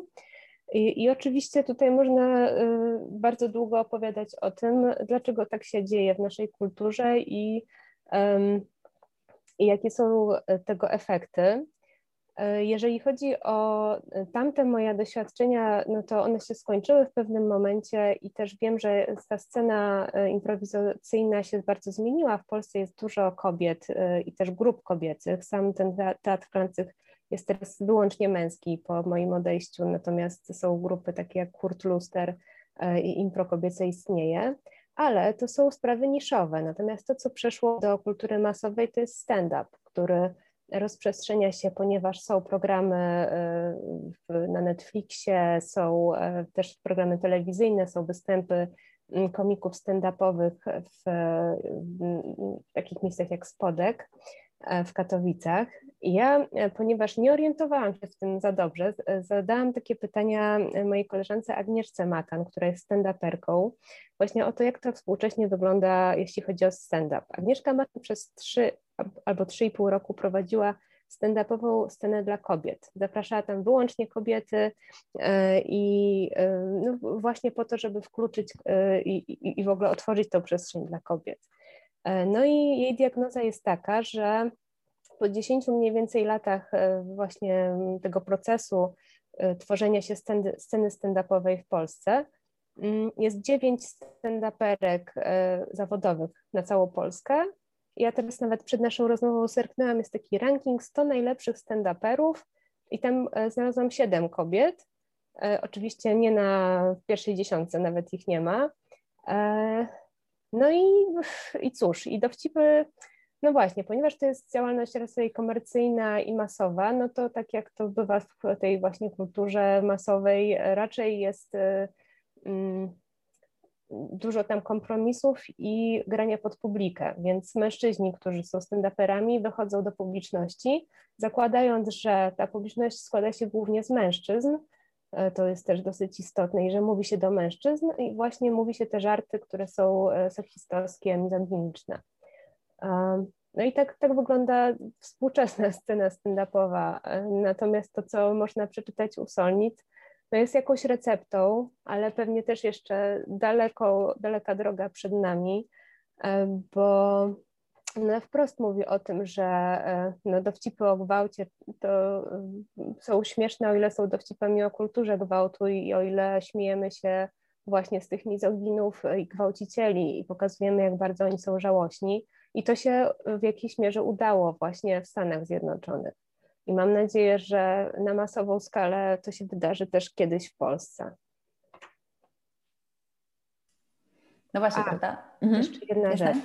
Jeszcze chciałam powiedzieć, że poza tymi scenicznymi rzeczami i stand-upami istnieje, pewnie znacie taki program przy kawie o sprawie, e, który też jest próbą odwrócenia jakby krzeseł czy, czy stolika e, i no właśnie, to jest też bardzo ciekawe, co się dzieje wokół tego satyrycznego czy komediowego programu, e, jak bardzo jest e, on atakowany właśnie przez mężczyzn e, i chyba najwięcej ataków jest, tak mi się wydaje, po programie pod tytułem Czy bić mężczyzn, bodajże taki był, był tytuł tego programu. Co jest dosyć ciekawe, no bo wiadomo, że to jest konwencja komediowa, a też odniesienie do bardzo popularnego sketchu Mana i Materny o tym, czy bić dzieci. E, no ale jednocześnie właśnie tutaj nagle się okazuje, że mężczyźni jednak chyba nie mają poczucia humoru, a niektórzy z nich, którzy właśnie bardzo ostro atakują kobiety występujące w tym programie. Mhm. Ale też chciałam Was zapytać, bo, mm, bo to, to ja przyznam, że ten, ten rozdział w książce też mi jakoś tak długo ze mną został. Znaczy w ogóle te pytania, ja może nie jestem jakąś najbardziej aktywną uczestniczką tego, tego pola, ale zawsze sobie przypominam, z takiego momentu, kiedy sobie przypominam właśnie e, za chwilę dalszy ciąg programu, znaczy takie czasy, kiedy w prime time, prawda, w polskiej telewizji publicznej były takie programy jak za chwilę dalszy ciąg programu oraz teraz uciekł mi tytuł, ale Lalamido, czyli coś tam, coś szarpi drut, no nie pamiętam, przepraszam. Porykiwania szarpi drutów, prawda? No to jest właśnie pewnie doświadczenie mniej więcej nas wszystkich, E, to była chyba godzina 19 e, w drugim programie telewizji polskiej. I, i, i nie wiem, co się stało, bo tak jak mówię, nie śledziłam tego, tak, ale tak się zastanawiałam, czytając tą Solni, czy my to nie jest kwestia tego, czy się umiemy śmiać, prawda, z przemocy wobec kobiet, czy w ogóle to jest ten moment w Polsce, czy to, ten język już jest, czy to już jest ten czas, żeby tego języka tam szukać, prawda, czy to jest ten czas, żeby właśnie, nie wiem, dowcip y, i, i humor i śmiech, tak, nam pozwolił, znaczy stał się orężem jakimś w tej, w tej walce, czy to jeszcze jest, czy my gdzieś jeszcze jesteśmy, nie wiem, nie chcę powiedzieć wcześniej może, tak, ale może w innym miejscu po prostu jakoś może, jeżeli mogę jeszcze odpowiedzieć na to Twoje pytanie, wydaje mi się, że y, odpowiedź jest na ulicy, to znaczy to, jaka była erupcja kreatywności, dowcipu, y, świetnych żartów słownych na transparentach po prostu na, podczas demonstracji, pokazuje, że owszem, y, humor czy, do, czy, czy, mm, czy komedia jest jakąś odpowiedzią zawsze na opresyjną rzeczywistość i wyśmianie właśnie tych opresorów jest świetnym narzędziem, ale z jakiegoś powodu to nie przenika e, właśnie do tego mainstreamowego stand-upu, czy też pewnie do innych sfer, takich jak nie wiem, komedia filmowa chociażby. E, natomiast pozostaje właśnie e, w tym oddolnej sferze, w której mamy no też właśnie tą życzliwą publiczność, tak? bo my jesteśmy tam zarówno na tej demonstracji tymi, które prezentują się i swoje hasła, jak i jesteśmy publicznością innych e, haseł i, i właśnie życzliwie wszystkie się przyjmujemy z, z tymi żartami i je rozumiemy. Ja mhm. myślę, że tu jest jeszcze taka y, może do, rozróżnienie do zrobienia, że jakby śmianie się z przemocy wobec kobiet, no wiadomo, że to może być trudne, natomiast te, ten y, sketch, który tu jest opisany Amy Schumer, no to on jest śmianiem się z kultury gwałtu i z gwałcicieli. I to moim zdaniem jest ta znacząca różnica. I to jest też związane z tym, no to chyba musi być naprawdę bardzo w prosty sposób przekładalny, że jeżeli będzie więcej kobiet w tym środowisku, tak jak ty opowiadasz, no to one będą opowiadać o swoich doświadczeniach i będą to prze... i wtedy będzie E, na to publiczność, do tego jakby ludzie, te, ja, ja, czuję, że my tego, ja tego bardzo potrzebuję, tego pragnę, no ja tylko sobie nie jestem w stanie tego zapewnić, natomiast myślę, że to jest e, bardzo potrzebne i mm, no, struktura tego, o tym, o czym opowiedziałaś, jak wygląda ten świat, to jest mhm. moim zdaniem odpowiedź dlaczego tego nie mamy. I w ogóle tego nie widzę w kategoriach tego, czy jesteśmy gotowi, czy nie gotowi, bo to nie jest dla każdego. No, jedna osoba potrzebuje pójść i to, coś obśmiać totalnie, żeby mieć ulgę, poczuć ulgę, a inna w ogóle na nią nie działa i to jest, to jest zrozumiałe. Ja, ja to widzę w kategoriach takich, że no, potrzebujemy więcej stand-uperek i więcej, e, nie wiem, komediantek improwizowanych, nie wiem, przepraszam. Komiczek. Komiczek, tak. A to jeszcze tak właśnie na koniec może tego tematu przekazując to, co e, Agnieszka Matani powiedziała, że nie ma w tej chwili żadnej realnej bariery, która by powstrzymywała kobiety przed wyjściem na scenę. Znaczy takiej, że tak to jest jakoś zabronione, ale jednocześnie właśnie po prostu ich nie ma, no i to jest po prostu bardzo duży obszar do opowiedzenia, zbadania też być może i, e, e, i, i rozpoznania, dlaczego tak się dzieje i no, zawieszam to pytanie na koniec.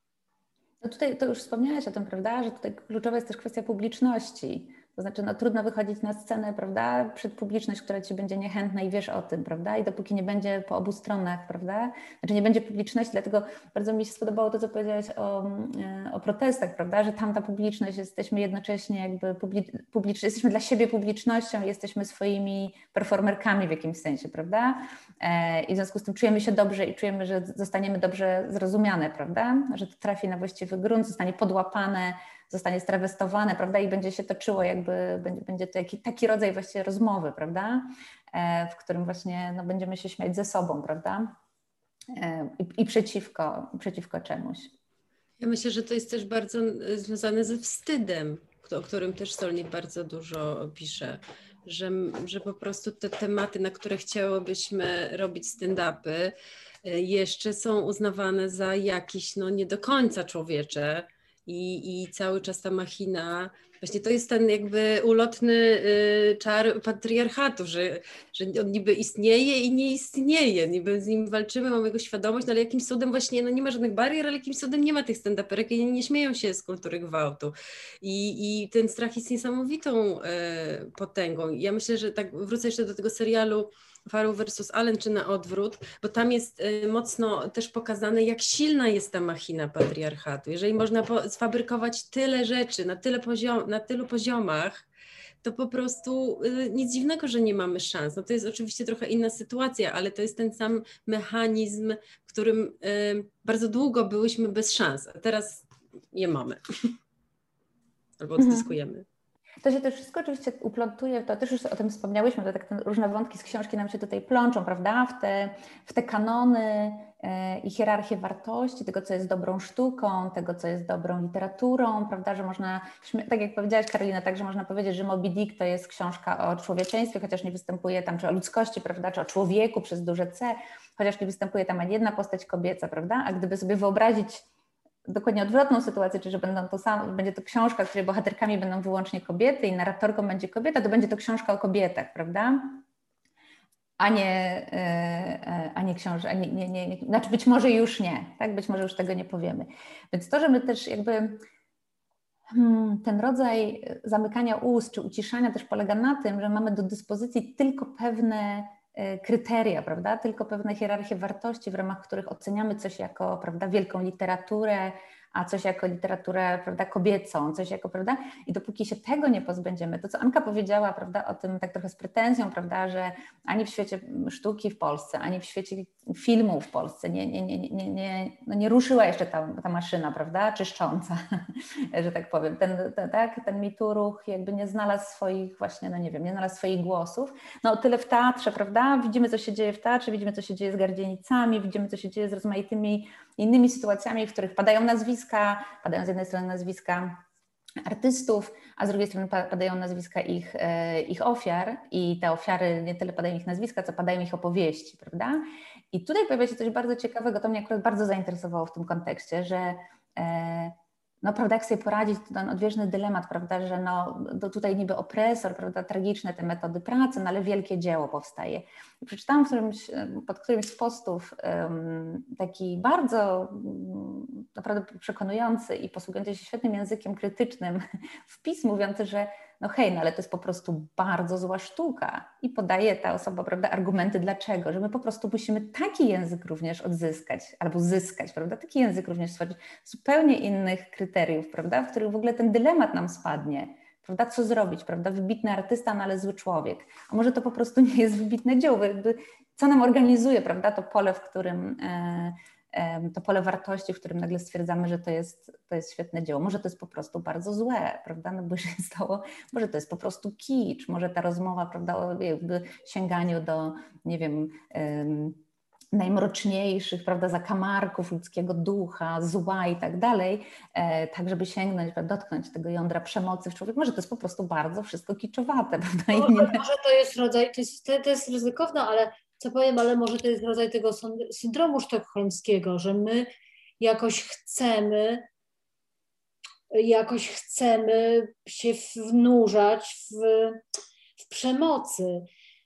No bo na przykład, y, no zastanówmy się, y, ostatnie tango w Paryżu, czy, czy się możemy na to zgodzić? I czy możemy jeszcze z poziomu tego, co wiemy o, o kulisach krę, kręcenia tego filmu, jeszcze zastanawiać się nad tym, czy to jest dobre dzieło? Bo, bo, bo jednak wydaje mi się, że nie, że jednak, że jednak właśnie nie chcemy więcej uczestniczyć w czymś takim jako odbiorcy, odbiorczynie kultury.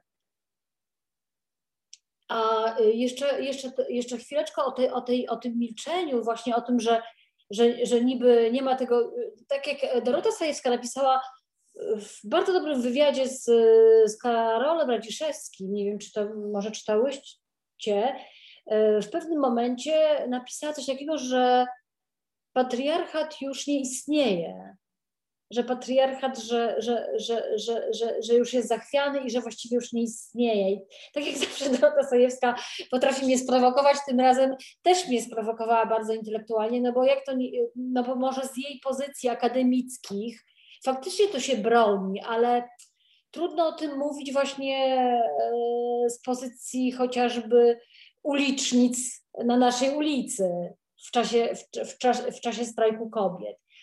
No i, i jeszcze to, że, że ten patriarchat niby go nie ma, nie wiadomo skąd jest ta opresja, ta opresja jest między słowami, ale potem na przykład zobaczcie Sofię Kopole w, prze, e, w Przekleństwa Niewinności, to się nazywa, tak? Przekleństwa Niewinności, ten film, Przekleństwa Niewinności, tak, ten film o dziewczynach, o nastolatkach, które które potem popełniają samo, po prostu wybierają śmierć. Właściwie nie wiadomo dlaczego jakby to oko patriarchatu, czyli to porządliwe oko, e, porządliwe, no, pragnące oko chłopców niosło śmierć chłopców czy, czy kultury, w której żyją. Także tak czy siak to nie, nie, nie, nie, nie kończy się dla nas dobrze, jeśli my milczymy, o czym właśnie, co nam pokazuje właśnie Coppola w, w swoich przekleństwach niewinności. Uważam, że za, za bardzo dobry, bardzo, bardzo przejmujący film, który zresztą analizowała e, bardzo dawno temu w kafie, w Cafe Baumgart e, Snochacka Gonzales, Klaudia Snochacka Gonzales w, swoim, w swojej rozprawie czy eseju Dlaczego dziewczynka, dlaczego musi umrzeć? Więc tak bym, tak bym, tak bym się tutaj wtrąciła do, do, do, waszych, do waszych tutaj rozważań. A jeszcze a propos dowcipu, to tak, jak, to, tak jakbym, to tak jak jednak bym podążyła tutaj za Rebeką, mówiąc, że bijemy w górę, a nie, a nie bijemy w dół. Czyli to, jeżeli śmiejemy się z, z silniejszego, no to, no, to, no to jest jak najbardziej uzasadnione. Gorzej, jeżeli się śmiejemy ze słabszego. No to jest, to jest trudne wtedy to zaakceptowanie. A u nas robiły karierę przecież, przecież dowcipy o blondynkach. Teraz już trochę zeszło z wokandy, ale pamiętam, że latami męczyłam się właśnie w, w towarzystwie tych, tych, tych, tych dowcipów o blondynkach i właśnie dzieliłyśmy się na te, które się śmieją i opowiadają te dowcipy i na te, które nie. I mają focha.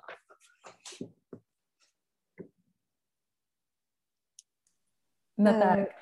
Właśnie a propos tego focha i E, też mm, no, różne, różne rzeczy mi to w pamięci uruchamia, ale też mi się przypomniała historia, która też e, Agnieszka Matem mi opowiedziała, że e, pewnego razu postanowiły wykupić wszystkie bilety na przedstawienie jakieś tam stand-upowe, open mic, na którym występowali panowie, po to, żeby postawić ich w tej sytuacji, że mają właśnie publiczność wyłącznie kobiecą.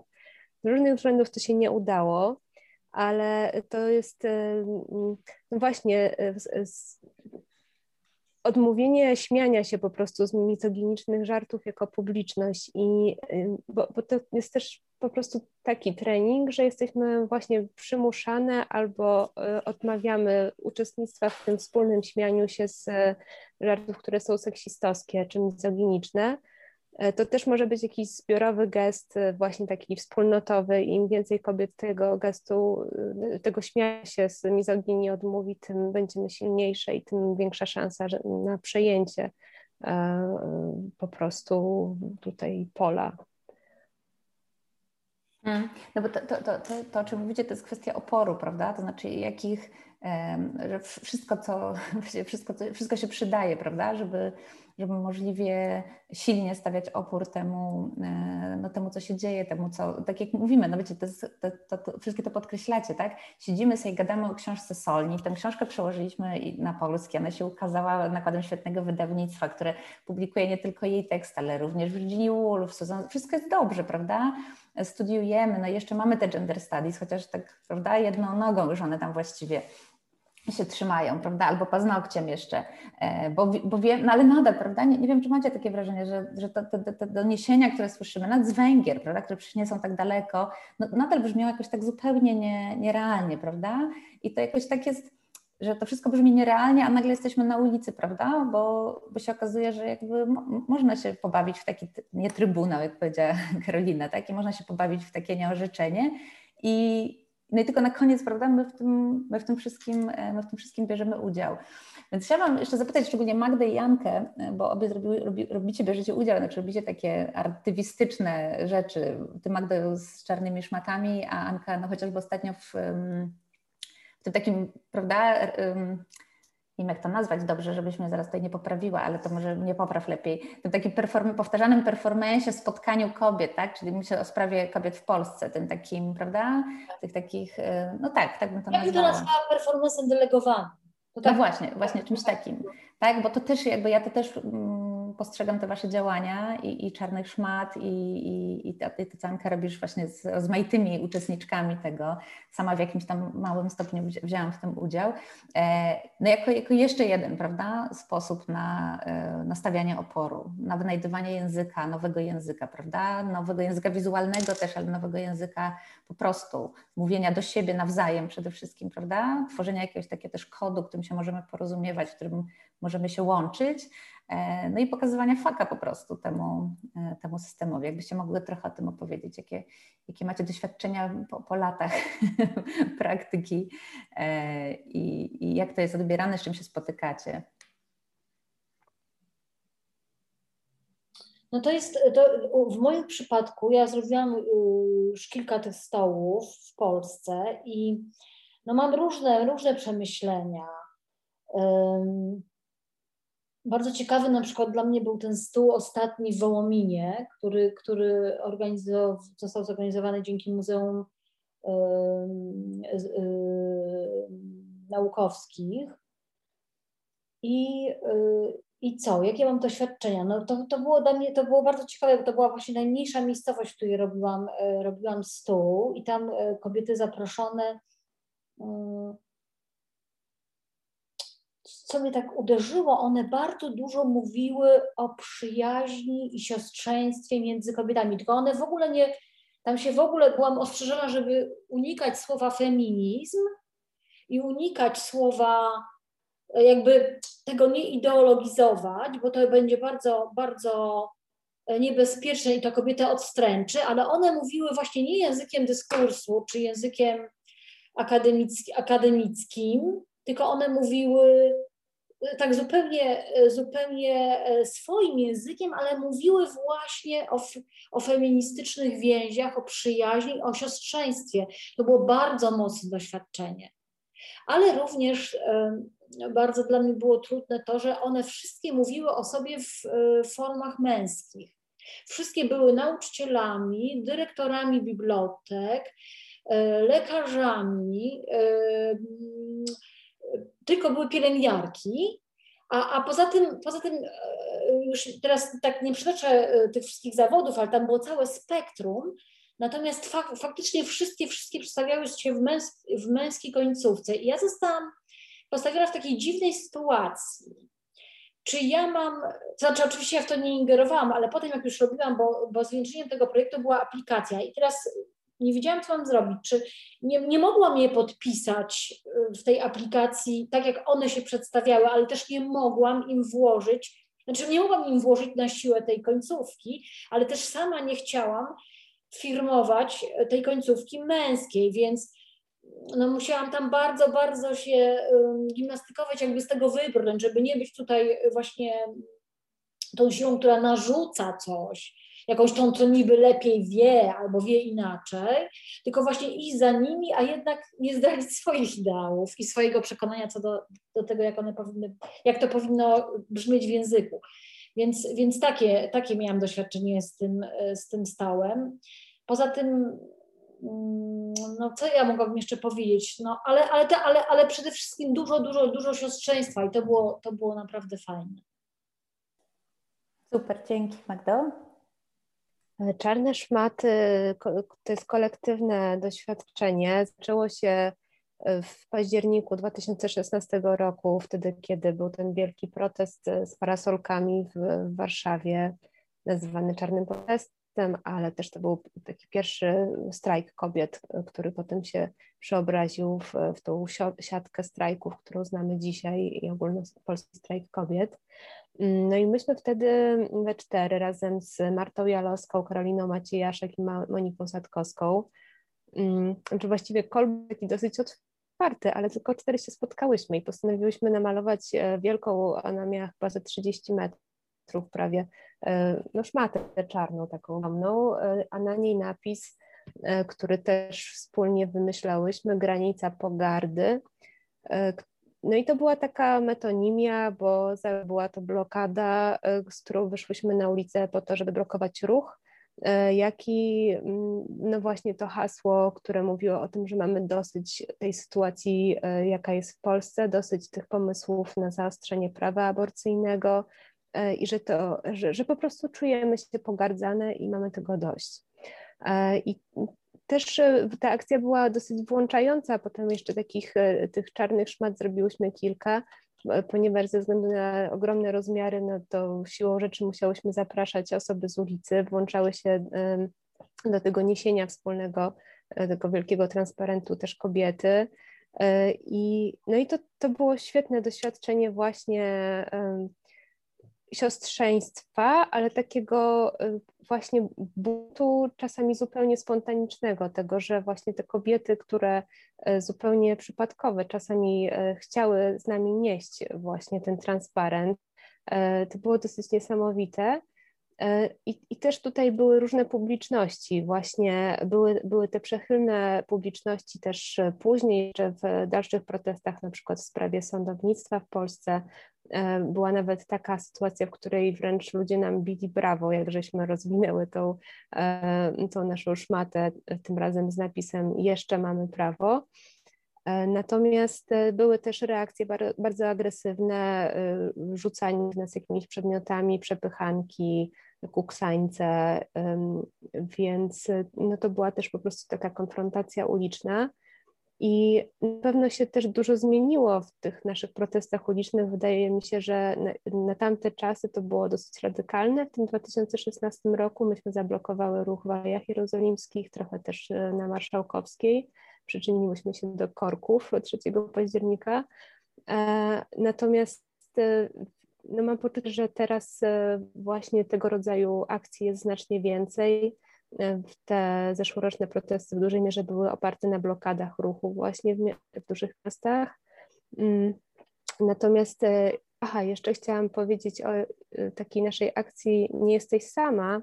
Ja też nie, nie, nie chcę dużo mówić, bo my mamy taką zasadę w kolektywie, że e, jeśli o sobie opowiadamy, to występujemy zbiorowo albo chociaż we dwie, więc Przypomnę jeszcze tą akcję Nie jesteś sama, właśnie to feministyczne hasło zostało namalowane na kilkunastu bodajże szarfach, które zawisły tak jak szarfy Miss e, na syrenkach warszawskich, e, które z kolei się nam wydały takimi obiektami no właśnie pokazującymi, jakie jest miejsce kobiet w polskim społeczeństwie, to znaczy te syrenki w tak dużej liczbie są w Warszawie, e, ale dopiero no, trzeba się przyjrzeć dokładnie, że jest, jest ich tak dużo. E, I postanowiliśmy właśnie je ozdobić tymi szarfami z hasłem Nie jesteś sama, tak jakby one między sobą wreszcie nawiązały jakiś dialog, że mówią do siebie, że nie jesteś sama, e, podczas gdy na, na co dzień zwykle są takie zupełnie odrębne właśnie w, w tej przestrzeni miasta. Super, dziękuję. Znaczy to, to, to, te Wasze działania dla mnie bardzo, bardzo często mi się przypominały właśnie podczas e, tych ostatnich, um, ostatnich protestów, kiedy tak wiele właśnie jakichś oddolnych, um, tak artystycznych różnych działań się pojawiło tak zupełnie spontanicznie, tak? Ludzie tam w domach już nie wytrzymali i sięgali po ten, po ten język i to było jakoś super. E, słuchajcie, musimy chyba powoli się zmierzać do końca, chociaż to jest taka rozmowa właśnie, która najlepiej jakby się nie skończyła. Ja myślę, że najlepszym e, świętowaniem tej książki było wyciągnięcie tego i dołączanie kolejnych osób przez cały taki maraton całonocny może.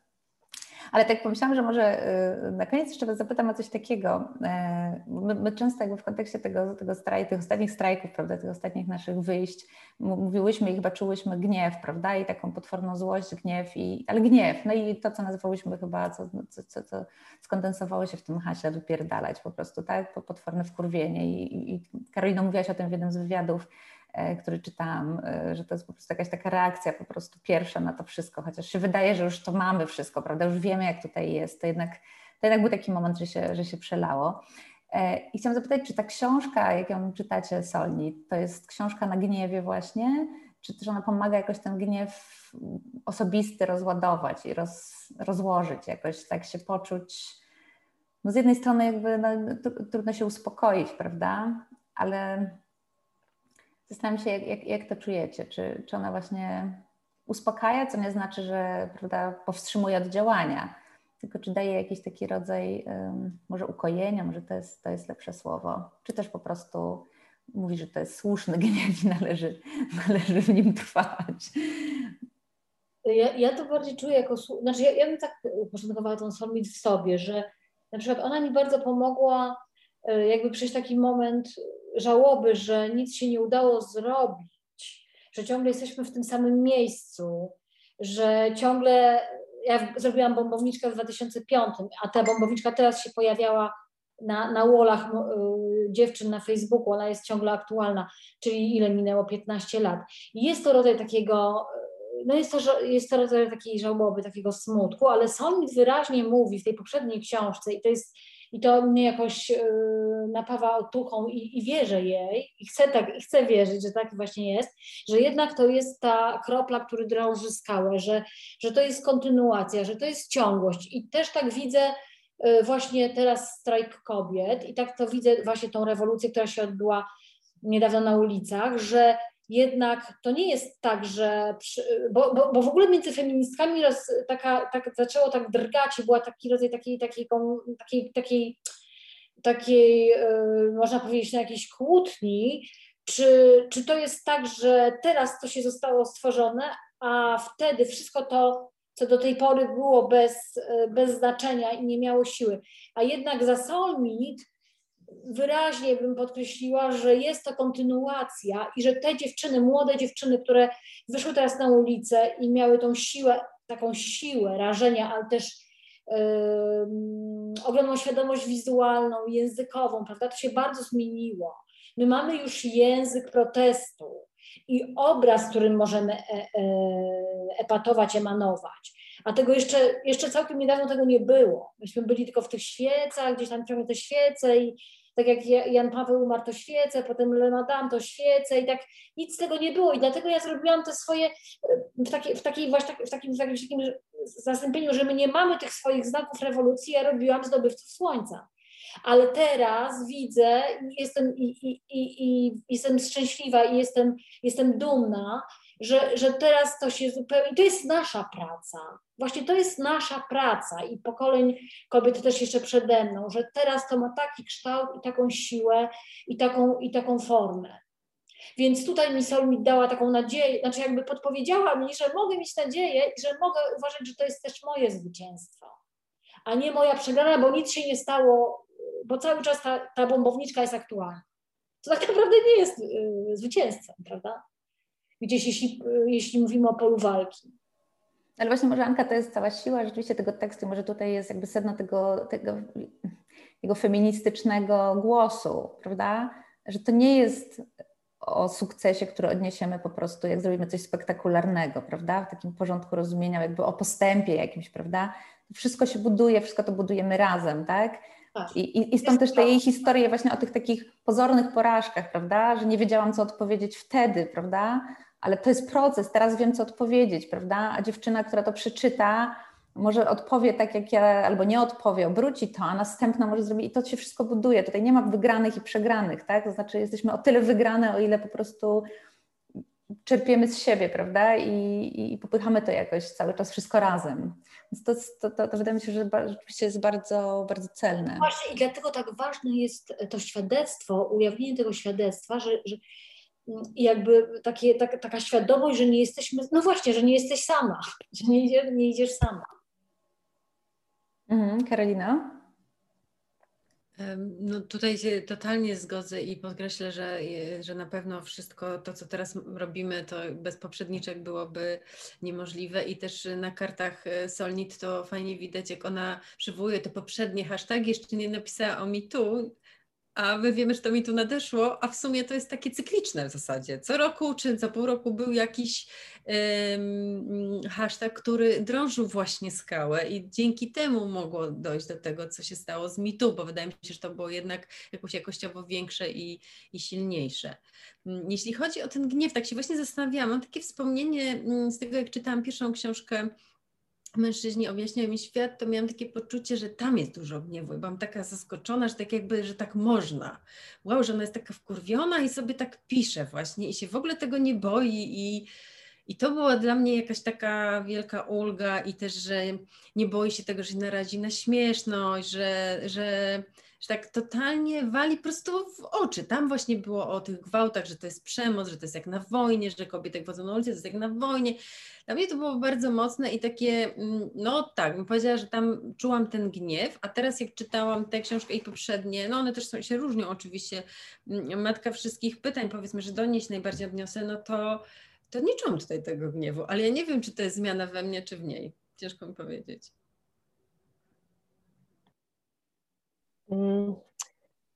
Ja też nie mam takiej jasnej odpowiedzi na to, czy, czy to jest gniewna książka.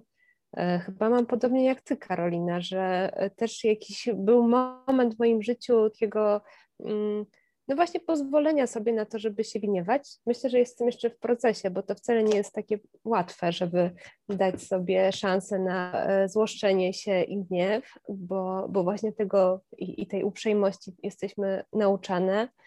Mm. Więc być może też tę książkę odbieram raczej właśnie jak ponowne przeczytanie trochę tego, co już wiem, trochę tego, co już czuję e, i, też właśnie tych rozwiązań e, na, na, różne sytuacje życiowe, które nas e, spotykają. E, ale myślę, że no właśnie to, że gniew dochodzi do głosu w tak masowej skali, kobiety właśnie przeklinają, wychodzą na ulicę i no, to jest oczywiste i to jest też moim zdaniem upodmiotawiające i mm, no właśnie, to jest ten, ten sposób odzyskania głosu.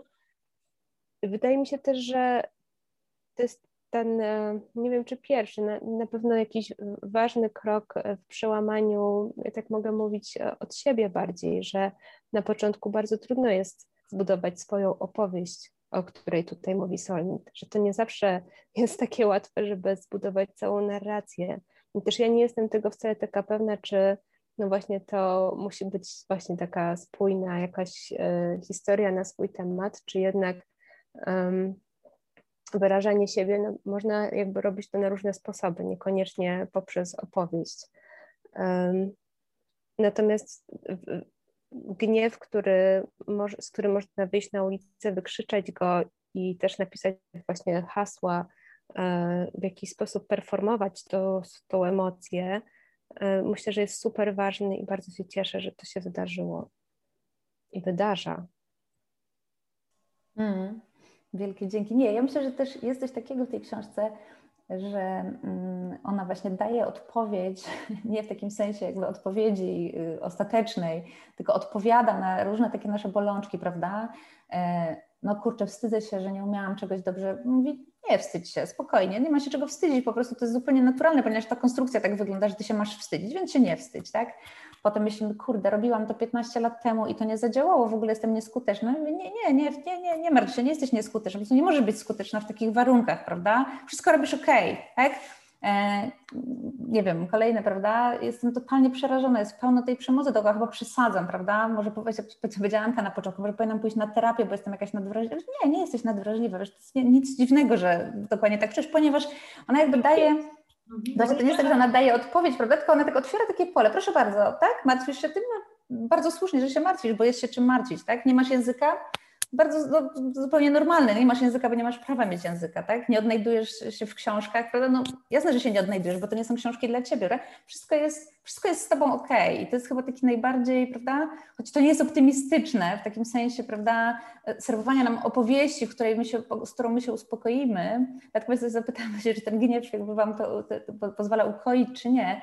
Bo to jest takie bardzo trudne. Ja, ja mam taką trudność z tym, z tym jej pisaniem, prawda? Że to jednocześnie z jednej strony mnie bardzo rozbudza i pobudza i mnie jeszcze bardziej wkurza, bo jak sobie zdaję sprawę z tego, w czym biorę udział, a z drugiej strony myślę sobie, ale moje pobudzenie właśnie jest, jest okej, okay, tak? To jest okej, okay, to mnie, to jestem na dobrej drodze, tak? Jestem na dobrej drodze jakby, a ona jest jakoś tam moją przewodniczką czy towarzyszką, tak? Bo ona też nie ma takich zapędów właśnie przewodniczych, to też mi się bardzo podoba, takich jakiegoś autorytetu nie potrzebuje chyba wielkiego, to się tak wszystko fajnie, fajnie snuje. E, patrzę tutaj na nasz czat i widzę, że nie mamy jakichś chyba dodatkowych pytań od e, naszych słuchaczek i e, słuchaczy i oglądaczy i oglądaczek. No tak jak mówię, jest cała masa różnych kwestii, których tutaj nie poruszyłyśmy, prawda, tych zaginionych sprawców, tego języka, który opowiada o przemocy, nie opowiadając właśnie o tym, kto jej, prawda, kto się jej dopuszcza, w związku z tym cały czas się jej dopuszcza, no cała masa rzeczy, prawda, właśnie kanonów, czy to literackich, czy artystycznych, czy, czy wszystkiego innego, o czym, tam, o czym tam pisze, ale też ten piękny esej, który zamyka książkę, prawda, o, o, olbrzym, o olbrzymie, o filmie, o kulturze popularnej właśnie, w której można przecież tyle zobaczyć, prawda, i tyle nie zobaczyć e, i tyle tam znaleźć dla siebie. Więc zachęcamy chyba Państwa wszystkich, e, Panie i Panów i wszystkich innych do, do czytania Solnit i do rozmawiania z nią i do odnajdywania tam różnych pytań i odpowiedzi. Bardzo dziękuję. Bardzo dziękuję Ance Baumgart, Karolinie Domagalskiej i Magdzie Staroszczyk przede wszystkim. E, dziękuję nowemu teatrowi i charakterowi. Dziękuję tłumaczce książki i poprzednim tłumaczkom i tłumaczom e, za to, że możemy Sonit mieć po polsku i odnajdywać się w tym języku jakoś lepiej może. I cóż, życzę miłej lektury wszystkim i dobranoc.